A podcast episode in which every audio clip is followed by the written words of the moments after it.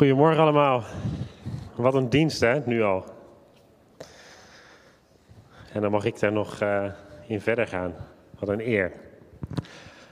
Ik mag het vanochtend hebben, of jullie hebben het al gehoord. Jezus is onze hoop. Saai hè? Ja, ik weet niet hoe het met jullie zit, maar als ik het, als ik het over hoop, of als ik over hoop nadenk, denk ik van wat een saai onderwerp. Ja, dat is toch zo. Wat, wat, is nou hoop? Wat is dat nou? Dat is alsof we in een strenge kerk zitten en we hebben het over de hoop van de Heer. En we gaan Bijbelteksten lezen waar het over hoop gaat. En zo dacht ik er ook over, een aantal jaar geleden. Totdat het op een bepaalde manier op mijn pad kwam. En ik eigenlijk een keer uh, in gesprek met iemand zei van... ja, misschien moeten we het een keer over uh, hoop hebben. Omdat je zoveel wanhoop in de wereld zag. En het was gewoon één willekeurig woord wat ik toen op dat moment uitbracht. En die uh, persoon met wie ik sprak, die zei: Ja, goed idee. Ga jij daar maar een cursus over schrijven? En toen dacht ik: Oh, had ik nou maar wat anders gezegd? Over gaven van de geest, genezing, vuur van God, dat soort dingen. Daar word ik enthousiast van. Maar nee, ik kreeg hoop. En ik dacht echt: Wat moet ik hier nou mee? Maar God heeft mij afgelopen tijd, um, eigenlijk afgelopen jaren, daarin laten veranderen. Een nieuw beeld laten zien. Dat hoop zoveel meer is dan iets saais en gewoon een term uit de Bijbel, maar dat het iets is wat wij mogen vastpakken. En ik wil graag jullie meenemen daarin. En ik hoop ook, ik verwacht, ik heb hoop dat jullie ook anders zullen gaan kijken naar hoop. En dat jullie het ook mee mogen nemen en mogen ook echt mogen zien als een van de kernwaardes als christen. En waarom is hoop nou zo belangrijk? Ik wil met jullie even een aantal duizenden jaren terug. In de tijd van het volk van Israël waren er heel veel andere volken. En die andere volken hadden allemaal hun eigen geloof, die hadden allemaal hun eigen goden die ze eerden. En je had het volk van Israël. En er was een gigantisch verschil tussen die twee typen geloof. En dat zat als volgt.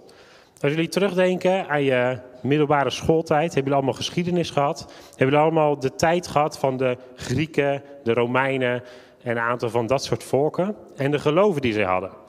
Nou, die volken die hadden voor al, alles wat er bestond, hadden ze hun eigen God. Ze hadden een God van de zee, een God van de liefde, een God van oorlog, van alles. Tientallen, honderden goden die ze moesten aanbidden. En zodra je op reis ging over de zee, dan moest je een offer brengen aan de God van de zee, want anders kon er nog wel eens een storm op je pad komen. En dat is hoe die volken toen leefden. Dat is hoe zij daar mee omgingen. En zij leefde eigenlijk uit angst voor de goden. Want je moest de goden niet boos maken. Je moest uh, hopen dat ze maar, nou ja, goed gezind waren die dag. Want anders zouden ze zomaar eens een storm kunnen loslaten en zou je het niet overleven. De mensen waren namelijk volgens die geloven ontstaan door proefjes van de goden, door dingen die ze samen gewoon eens deden, gewoon experimenten, gewoon omdat een god zich op een dag verveelde en dacht laat ik eens wat doen. En op die manier zouden de mensen bestaan volgens die, volgens die geloven.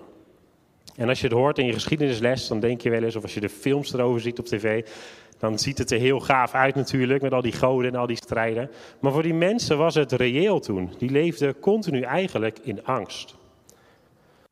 En daartegenover kwam het volk van Israël te staan. Tegenover al die geloven die uit die angst leefden. Die niks hadden om aan vast te houden. Die elke dag maar weer moesten hopen dat hun God hun niet zou vermoorden op die dag. Omdat hij uitgekeken was op hun of omdat gewoon hij er zin in had. Maar daar kwam het volk van God, het volk van Israël. En die hadden een ander verhaal. Die hadden een verhaal dat er één God was. En die had heel doelbewust de mensheid geschapen. Uit liefde omdat hij samen met hun wilde zijn. Er was een God die zei: Ik ben trouw. Er was een God die zei: Als ik iets beloof, dan doe ik het ook. En het was zo tegengesteld tot alle andere geloven van die tijd. En het volk van Israël, die hield er ook aan vast. En die wist ook: als God iets belooft, dan doet hij het. En dat was hun, hun hoop. Ze hadden vanuit hun diepste oorsprong, vanuit, vanaf de schepping, maar ook als ze ver in de toekomst keken, was er altijd iets wat God beloofde en waar ze aan vast konden houden. Dat betekent niet dat het altijd goed ging met hun. En ze hebben vaak genoeg ook dingen fout gedaan, waardoor ze een bepaalde straf kregen omdat bepaalde dingen niet goed gingen. Maar ze wisten altijd dat er een stukje hoop in zat. Kijk maar eens naar alle profeten die onheil uitspreken over het volk omdat ze ongehoorzaam waren geweest. God zegt, er wordt vaak gezegd dat ze weg worden gestuurd, dat ze een bepaalde straf krijgen. Maar het wordt altijd afgesloten dat het weer goed komt. Er zit altijd een stukje achteraan dat God zegt, maar er zal een tijd komen dat jullie weer terugkomen naar Israël. Er zal een tijd komen dat er een Messias komt. Er zal een tijd komen dat alles weer goed is. Bij elke slechte profetenboodschap die er staat in de Bijbel, staat zoiets bij. Vanaf het begin al, als Eva gezondigd heeft, dan zegt God al. Zij zal uiteindelijk, de mens zal uiteindelijk de kop vermorzelen. Direct. En er zitten gevolgen aan door wat Eva gedaan heeft. Maar hij geeft meteen een stukje hoop voor in de toekomst. Het gaat goed komen. En dat was zo'n tegenovergesteld iets van alle andere volken die er op dat moment op aarde leven. En eigenlijk nog steeds met veel geloven die er bestaan. Dat we een stukje hoop mogen hebben, omdat God iets neer heeft gelegd in de toekomst waar we aan vast mogen houden. En dat is ook wat hoop betekent. Als je naar de, het letterlijke woord hoop kijkt, dan betekent het eigenlijk een stuk koord, een anker, een touw, iets waar je aan kan vasthouden en iets waar je aan kan optrekken. Dus dat hoop zegt eigenlijk niks over de situatie waar je nu in zit. Als je iets wilt doen aan de situatie waar je nu in zit, dan heb je geloof nodig. Over geloof heb ik het een aantal maanden geleden gehad, dus hier mag je dan terugkijken. Maar als je het over hoop hebt, dan heb je het over de toekomst. Dan heb je het over iets wat verder weg ligt. Iets wat jou door die situatie van nu heen kan trekken. En dat is een belangrijk verschil om te weten. Ik wil met jullie graag een, uh, een stukje tekst gaan lezen. En ik heb hem net uh, nog aangepast naar een ander stuk Bijbeltekst. Dus ik hoop dat de beamer hem eh, heeft kunnen aanpassen. Ik zie geknik, dus dankjewel. Ik wil het eerst over Elia hebben, die in de grot zit. Iedereen kent het verhaal waarbij hij hopig, hopeloos is en even niet meer weet wat hij moet doen. Maar toen ik dit begon voor te bereiden voor dit stuk, had God mij een ander verhaal gegeven. Maar ik ben gedurende de tijd ermee gestopt omdat ik er niet uitkwam. Nu zat ik daar net op mijn stoel en in één keer viel het kwartje van dit verhaal. En ik zoiets van, ik moet misschien wel eens terug naar waar God me bedoeld heeft. Dus ik wil met jullie naar Jozua 2, Jozua 2. En dat is eigenlijk 40 jaar nadat, um, nadat de twaalf spionnen het beloofde land hebben verkend. Ik zei het net al, vorige keer heb ik over geloof verteld. Toen had ik het over de spionnen die het, land van, het beloofde land gingen verkennen. Nu zijn we 40 jaar later. En wat zegt Jozua daar? Hij heeft inmiddels de leiding overgenomen en ze hebben toestemming om het beloofde land in te gaan. En hij zegt, ik ga spionnen erop uitsturen. Ik weet niet hoe het met jullie zit, maar als je 40 jaar geleden iets met spionnen fout hebt gedaan, dan heb je toch wel heel veel lef om nog een keer die spionnen erop uit te sturen. Ik denk dat ik zou zeggen, ik zou deze keer zonder spionnen doen, want straks zit ik hier nog een keer 40 jaar. Maar goed, Jozua kiest wat anders en die, gaat erop, die zegt, twee spionnen, jullie moeten het land verkennen. En die twee spionnen die steken door Jordaan open, over. Die gaan naar Jericho, de grote stad met de grote muren. En die gaan daar verkennen. En terwijl ze daar bezig zijn, terwijl ze daar aan het kijken zijn hoe, eh, hoe sterk die stad is en hoe sterk de mensen zijn, ehm, gaat hij naar, of wordt de koning, komt de koning erachter dat die spionnen in de stad zijn. En zegt hij, hey, ik wil ze opgespoord hebben, want die moeten hier niet zijn, want ze gaan ons straks nog aanvallen. Dus die spionnen die gaan, die gaan schuilen en die komen aan bij Ragab. En Ragab die, uh, ja, die neemt hun in en die beschermt hun, die verstopt hun zelfs. En als dan de mannen van de koning komen, die hebben gehoord dat die, dat die spionnen bij Ragab waren, dan zegt Ragab, ze zijn hier niet meer, ze zijn de poort al uit voordat ze dicht gingen voor de nacht. Dus jullie moeten snel buiten de poorten gaan zoeken. Nou, heel slim, want die poorten gingen al bijna dicht. Dus dat hele leger ging eruit, ging in de velden eromheen zoeken. En inmiddels gingen de poorten dicht. Dus van dat leger hadden ze dan voorlopig even geen last. En op dat moment gaat Rahab naar boven om eens even te praten met die mannen um, die daar liggen. En dan gaan we vanaf vers 8, staat er dan het volgende. Daar staat, Rahab ging naar het dak voordat de mannen in slaap zouden zijn. Ik weet, zei ze tegen hun, dat de Heer dit land aan jullie heeft gegeven. Wij zijn door angst overmand. Alle inwoners van dit land zijn doodsbang voor jullie. Want we hebben gehoord dat de Heer de Rietzee voor jullie heeft drooggelegd toen jullie uit Egypte wegtrokken. En dat jullie Sigon en Och, de twee koningen van de Amorieten, ten oosten van de, van de Jordaan, hebben vernietigd. Toen we dat hoorden, sloeg de angst ons om het hart en werden we wanhopig. De Heer jullie God is immers een God die macht heeft in de hemel op aarde. Dat is wat Rahab zegt. Ze heeft de verhalen gehoord. De, de meeste Bijbelboeken die zeggen dat Rahab een prostituee is. Andere, of andere vertalingen zeggen dat ze een herbergier is. Maar goed, bij beide beroepen heb je veel contact met mensen en hoor je alle nieuwtjes, alle weetjes en hoor je alles wat er in de stad omgaat. Daarom weet ze ook zo goed van, hé, hey, iedereen is doodsbang. Iedereen die hier binnenkomt, die heeft angst. Die is bang. We zijn wanhopig, zegt ze. Want we weten, als een God de Rietzee kan splijten en de, de twee koningen van de Amorieten kan vermoorden, kan afzetten, één daarvan was een reus, dan is dat wel een hele goede God. Want dan regeert hij niet alleen maar daarboven, maar regeert hij ook hier beneden. We zijn wanhopig, zegt ze. En dan besluit ze om een deal te sluiten met die spionnen. Van hé, hey, ik kan jullie helpen om uit Jericho te komen. Ik kan jullie helpen om weer terug bij jullie volk te komen. Maar dan moeten jullie, ons wel, moeten jullie me wel sparen. Nou, die spionnen gaan erin mee.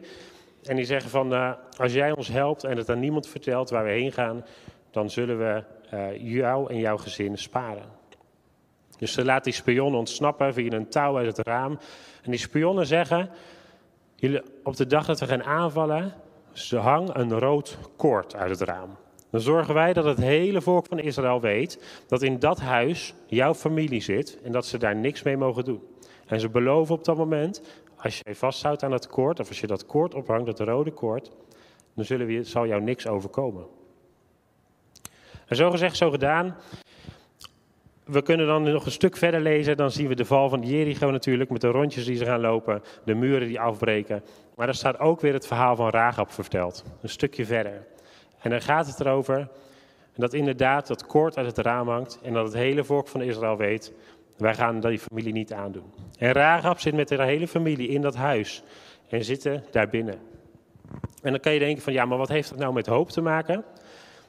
Nou, zoals jullie, zoals jullie net als goed gehoord hebben, de ware betekenis van hoop is eigenlijk een koord, een anker, een touw, iets waar je aan vasthoudt. In het Hebreeuws is dat woord tikva. Nou, soms uh, eet er iemand toevallig tikva. Kijk, daarachter. Super. Ik ken zelf ook iemand die heet tikva. Maar dat betekent dus hoop. Super mooie naam natuurlijk. Maar dat, um, het woord wat hier gebruikt wordt voor dat rode koord, wat ze aan het raam moet hangen, dat is ook tikva. En dan zeg je, oh, dat is gek. Je moet een koord ophangen, je moet hoop ophangen, je moet het laten zien. En dat is waar zij aan, mag, aan vast mag houden. Want die angst voor haar die is nog niet verdwenen. Die angst voor Rahab is nog niet verdwenen. Want het hele volk moet nog komen met de waarbij de hele stad uh, uitgemoord zal worden. En zij moet maar hopen dat die belofte wordt gehouden. Want zij zou er ook voor kunnen kiezen van hé, hey, dat volk komt eraan, misschien moet ik vluchten. Misschien moet ik zelf wat gaan doen. Misschien moet ik me gaan verdedigen. Moeten we toch op de muren gaan staan? Moeten we ons verdedigen? Misschien moet ik helpen deze stad te behouden. Of vertrouw ik op de belofte en hou ik vast aan het koord? En dat is een keuze die ze moet maken daar. Ga ik in dit huis wachten, vertrouwen op de Heer? Hou ik vast aan de hoop? Of ga ik een eigen plan, ga ik een eigen kant op? Ga ik misschien ook wel verstoppen in de bergen, zodat ik niet gevonden word? En hopen dat als het weer wat rustiger is, dat ik weer verder kan leven. En zo zitten wij soms ook wel eens. Als mensen gebeurt er gigantisch veel om ons heen. En kunnen wij de hoop wel eens verliezen? Kunnen we wanhopig worden? Hoe moet ik nou hiermee omgaan? Hoe moet ik dit nou doen of dat nou doen? En uiteindelijk mogen we vertrouwen op God. Vertrouwen op zijn beloftes. Vertrouwen op wat hij allemaal gezegd heeft.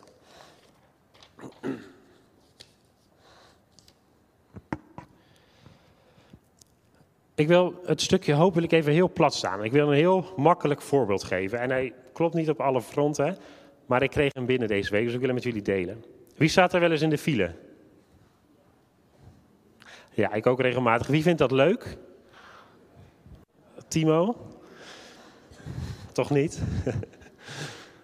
Nee, files, zijn, eh, files vindt niemand leuk. Tuurlijk, eventjes wat langzamer rijden, dat kan. Maar zeker als je op vakantie gaat, in de bloedhete zon... en je hebt uren file op de route Soleil... nou, dan ben je niet blij. Kinderen achterin, boos, huilen, die zijn klaar mee. Ik heb er helaas ervaring mee eh, in juli gehad, of in juni... dat we ook daar een paar uur uh, heel langzaam mochten rijden. Maar het was echt frustrerend. Maar toch weten we, als we in een file staan, dat er ooit een einde aan die file gaat komen. Er is nog geen één file die nog nooit is opgelost. Toch? Of ik ken er niet van, maar er is er nog geen één geweest. En eigenlijk, zonder dat we het doorhebben, staan we op die manier in de file. Van we weten, ooit gaat deze ellende voorbij staan. En we gaan maar weer een meter naar voren. We sluiten weer even een meter aan. En we blijven doorgaan. En op die manier hou je eigenlijk vast aan die kennis, aan dat stukje hoop van ooit gaat dit voorbij zijn. En dat is eigenlijk wat hoop doet. En als je nou dat loslaat van misschien lost deze file nooit meer op, dan word je wanhopig.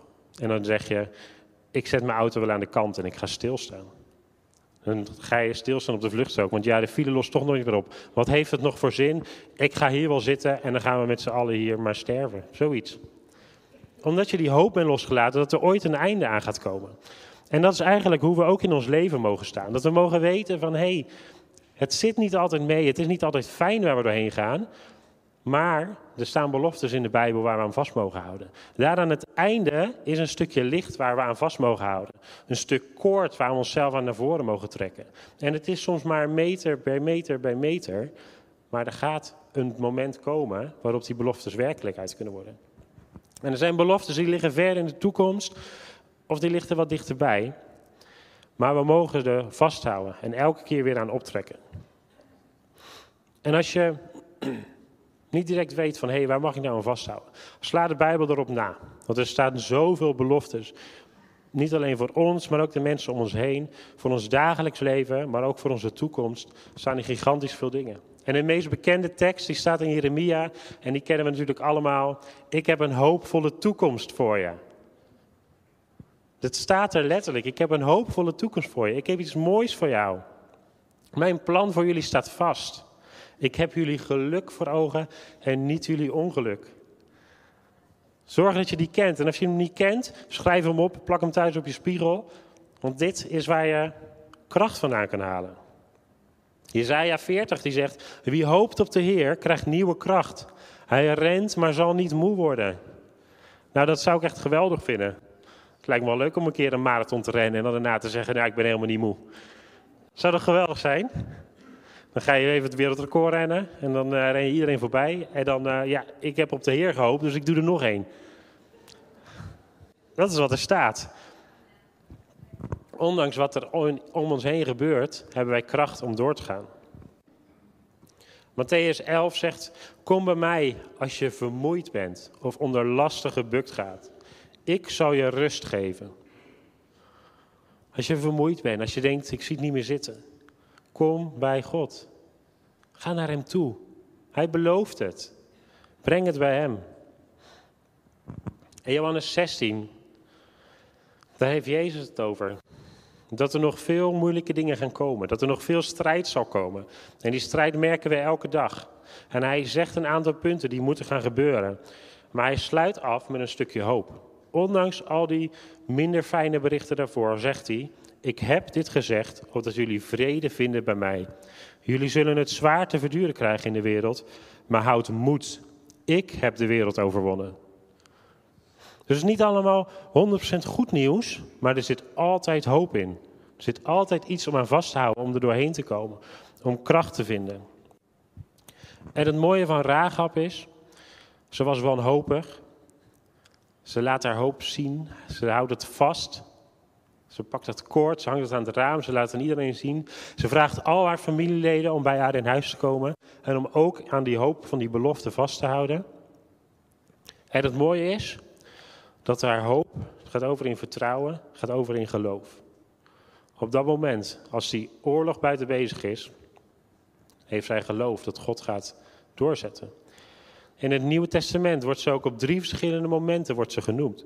Terwijl ze helemaal niet bij het volk van Israël eigenlijk hoorde bij, in oorsprong, wordt ze drie keer genoemd. Eén keer in de stamboom van Jezus en twee keer dankzij haar geloof. Omdat haar geloof haar en haar familie gered heeft. Jouw hoop, dat waar jij aan vasthoudt, dat kan eeuwig, eeuwige impact hebben. Dat kan eeuwig doorgaan, doordat het overgaat van hoop in de toekomst naar de dag van vandaag naar geloof. Omdat je vasthoudt eraan.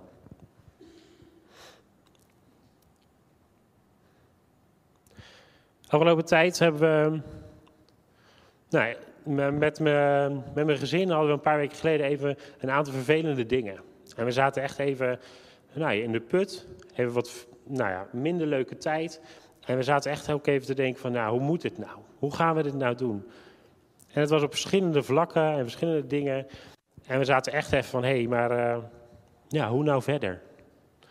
Maar tegelijk waren wij ook volledig zeker van, nee, maar God heeft ook een plan. Er is iets wat, waar we aan vast mogen houden. God heeft een plan. En ook al voelden we ons op dat moment totaal niet fijn, en hadden we het echt even heel lastig, wisten we, God heeft een plan. En dat betekent niet dat we niet mogen rouwen, dat we geen verdriet mogen hebben, dat we geen vervelende dingen mee zullen maken. Maar het betekent wel van, hé, hey, ga daar doorheen en ga weer verder met wat God aan het doen is. Ga weer verder met wat God doet. En we hadden er ook voor kunnen kiezen van, nou, we zien het niet meer zitten. We zetten die auto aan de kant en we gaan alles stilleggen, we doen niks meer, want we hebben zo'n pijn, we hebben zo'n verdriet. Of... Dan, dan kom je niet meer vooruit. En het is goed om af en toe even rust te nemen, maar we mogen ook die hoop vasthouden om er doorheen te gaan en om via God ook nieuwe kracht te ontvangen. En zo mogen wij allemaal naar de toekomst kijken. Ook al de situatie waar je nu in zit en wat er ook gebeurt, er is hoop in de toekomst. En er is iets waar wij aan vast mogen houden. De Bijbel zegt ook, alles werkt ten goede voor hem, voor hij die gelooft, voor hem die gelooft. Dat betekent, als iets nog niet goed is in jouw leven, dat het ook nog niet het einde is. Want alles aan het einde gaat goed zijn. Dus als het nog niet goed is, dan is het nog niet het einde en betekent dat wij nog stappen mogen gaan zetten. En hoop is activerend. Als jij hoop hebt, als je iets hebt om bij vast te houden, dan activeert het jou. Want dan denk je van, hé, hey, er komt een eind, er komt iets moois en ik ga er naartoe, ik ga eraan meewerken. Hoop is ook echt heel wat anders dan optimistisch of positief zijn. Optimistisch en positief zijn kunnen we allemaal. Want we kunnen allemaal zeggen, um, ik denk dat het zo wel stopt met regelen. Dat is optimistisch en positief zijn. Maar dat heeft totaal geen vaste waarde. Het is gewoon om die situatie even een mindset te veranderen. Optimistisch zijn is iets heel moois, want het kan heel veel goeds doen. Maar het houdt nergens echt aan vast. En optimistisch zijn is ook niet activerend. Want als ik zeg van ik denk dat het wel goed komt, en ik doe het uit optimisme, uit positiviteit, ik denk dat het wel goed komt, betekent eigenlijk ik ga op een stoel zitten en ik wacht tot het goed is. Terwijl hoop is ik weet dat het goed komt en ik ga er alles aan doen om daar te komen met God. En dat is opstaan, wandelen en gaan. En dat is nieuwe kracht. Dat is ook continu zoeken naar, hey, wat is God hier van plan? Want ik weet dat er een plan achter zit. Ik weet dat God een grote plan heeft met mij, met de kerk, met Ede. Ik weet dat er iets is wat we mogen ontdekken, wat God mij wil leren door deze situatie heen. En op die manier mogen wij hoop vasthouden. Mogen wij dat koord vasthouden en ons, onszelf naar voren trekken. En hoeven wij niet aan de zijkant te gaan zitten. Hoeven wij niet op de vluchtstrook plaats te nemen omdat we niet meer weten hoe we vooruitkomen en hoe er ooit een einde komt. Wij mogen doorgaan, want God is onze hoop. En hij heeft een belofte neergelegd. En de grootste belofte is natuurlijk die dat Jezus terug gaat komen. En dat Jezus weer bij ons zal zijn. En dat is waar we echt naar uit mogen kijken. En daartussen zitten nog veel meer andere dingen om hoop aan te hebben. Maar houd hoop op de belofte van Jezus, dat Hij terugkomt en dat Hij met ons is.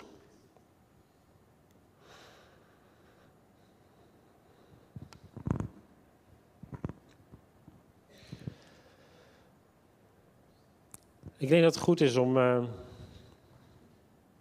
om daar echt bewust van te zijn. Dat hoop zo'n belangrijke sleutel is.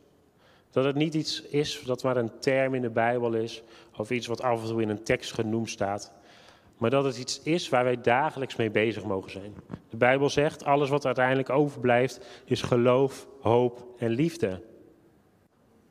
Zijn wij elke dag vol van hoop? Of kunnen wij nog wel eens wat hoopvoller zijn? En soms mogen wij net als Rahab, terwijl de wereld om ons heen in oorlog is, terwijl de wereld om ons heen moeite heeft, mogen wij een ruimte zijn, een huis zijn waar hoop heerst. Dan mogen wij mensen daar uitnodigen. Mogen wij mensen vertellen over Jezus. Mogen wij mensen laten zien wat het bloed van Jezus voor ons gedaan heeft. Dat we vrijgezet zijn. Dat wij in hoop leven, ondanks wat er gebeurt.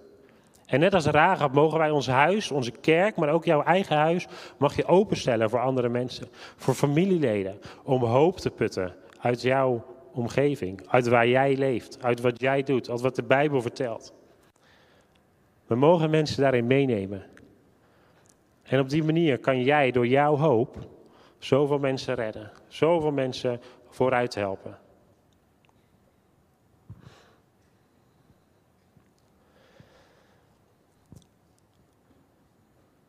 Ik stel voor dat we allemaal even een moment de ogen sluiten. We gaan even een moment nemen om naar God te luisteren. God is sterk aan het spreken vanochtend. ik merk het door de woorden heen, door de aanbidding heen, door wat er gebeurt. Ook het stukje voorbereiding wat, dat, wat ik net deed, dat God zei van nee, doe toch dat andere, het andere verhaal. God spreekt vanochtend. En God wil ook tegen jou spreken. En als jij vanochtend een nou, je hoop een stukje bent kwijtgeraakt. Als je hier zit van, hé, hey, maar waar is mijn hoop? Waar is mijn kracht? Dan mag je beseffen dat God bij jou is. En luister een moment of God iets tegen jou zegt. Een bepaalde belofte in herinnering brengt.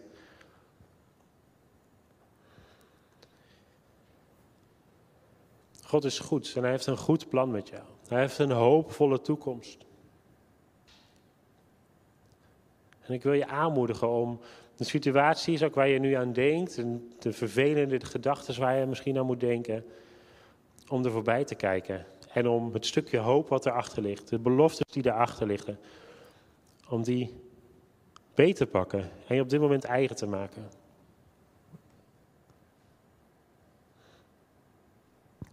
Hij wil je rust geven, een nieuwe kracht geven. En terwijl we allemaal nog even stil zijn en de ogen gesloten hebben, wil ik vragen of er misschien iemand is die nog nooit bewust een keuze gemaakt heeft voor Jezus. Om Jezus te ervaren als zijn redder, om Jezus aan te nemen als zijn levende hoop.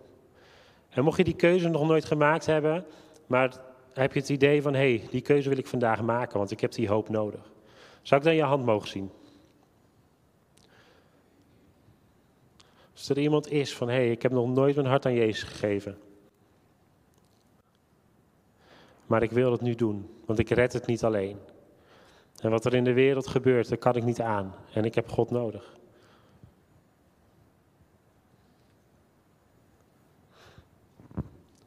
Nou, mocht je toch die keuze nog zo willen maken, we gaan straks met een gebedsteam staan. Maak je keuze bekend bij het gebedsteam. We willen we graag voor je bidden willen graag er voor je zijn en ook zorgen dat God jouw hoop is. Het aanbiddingsteam mag langs weer naar voren komen. Want we willen graag met jullie een stapje zetten om Jezus hoop aan te nemen. Dat Jezus onze hoop wordt. En hoe mooi is dat te doen, om hoe mooi is het om dat te doen via het avondmaal. Om met z'n allen het avondmaal, het offer van Jezus te herdenken, maar daarbij ook te zeggen van Jezus, u bent onze hoop. U bent onze kracht. U bent waar wij aan vasthouden, die ons door elke situatie heen kan tillen.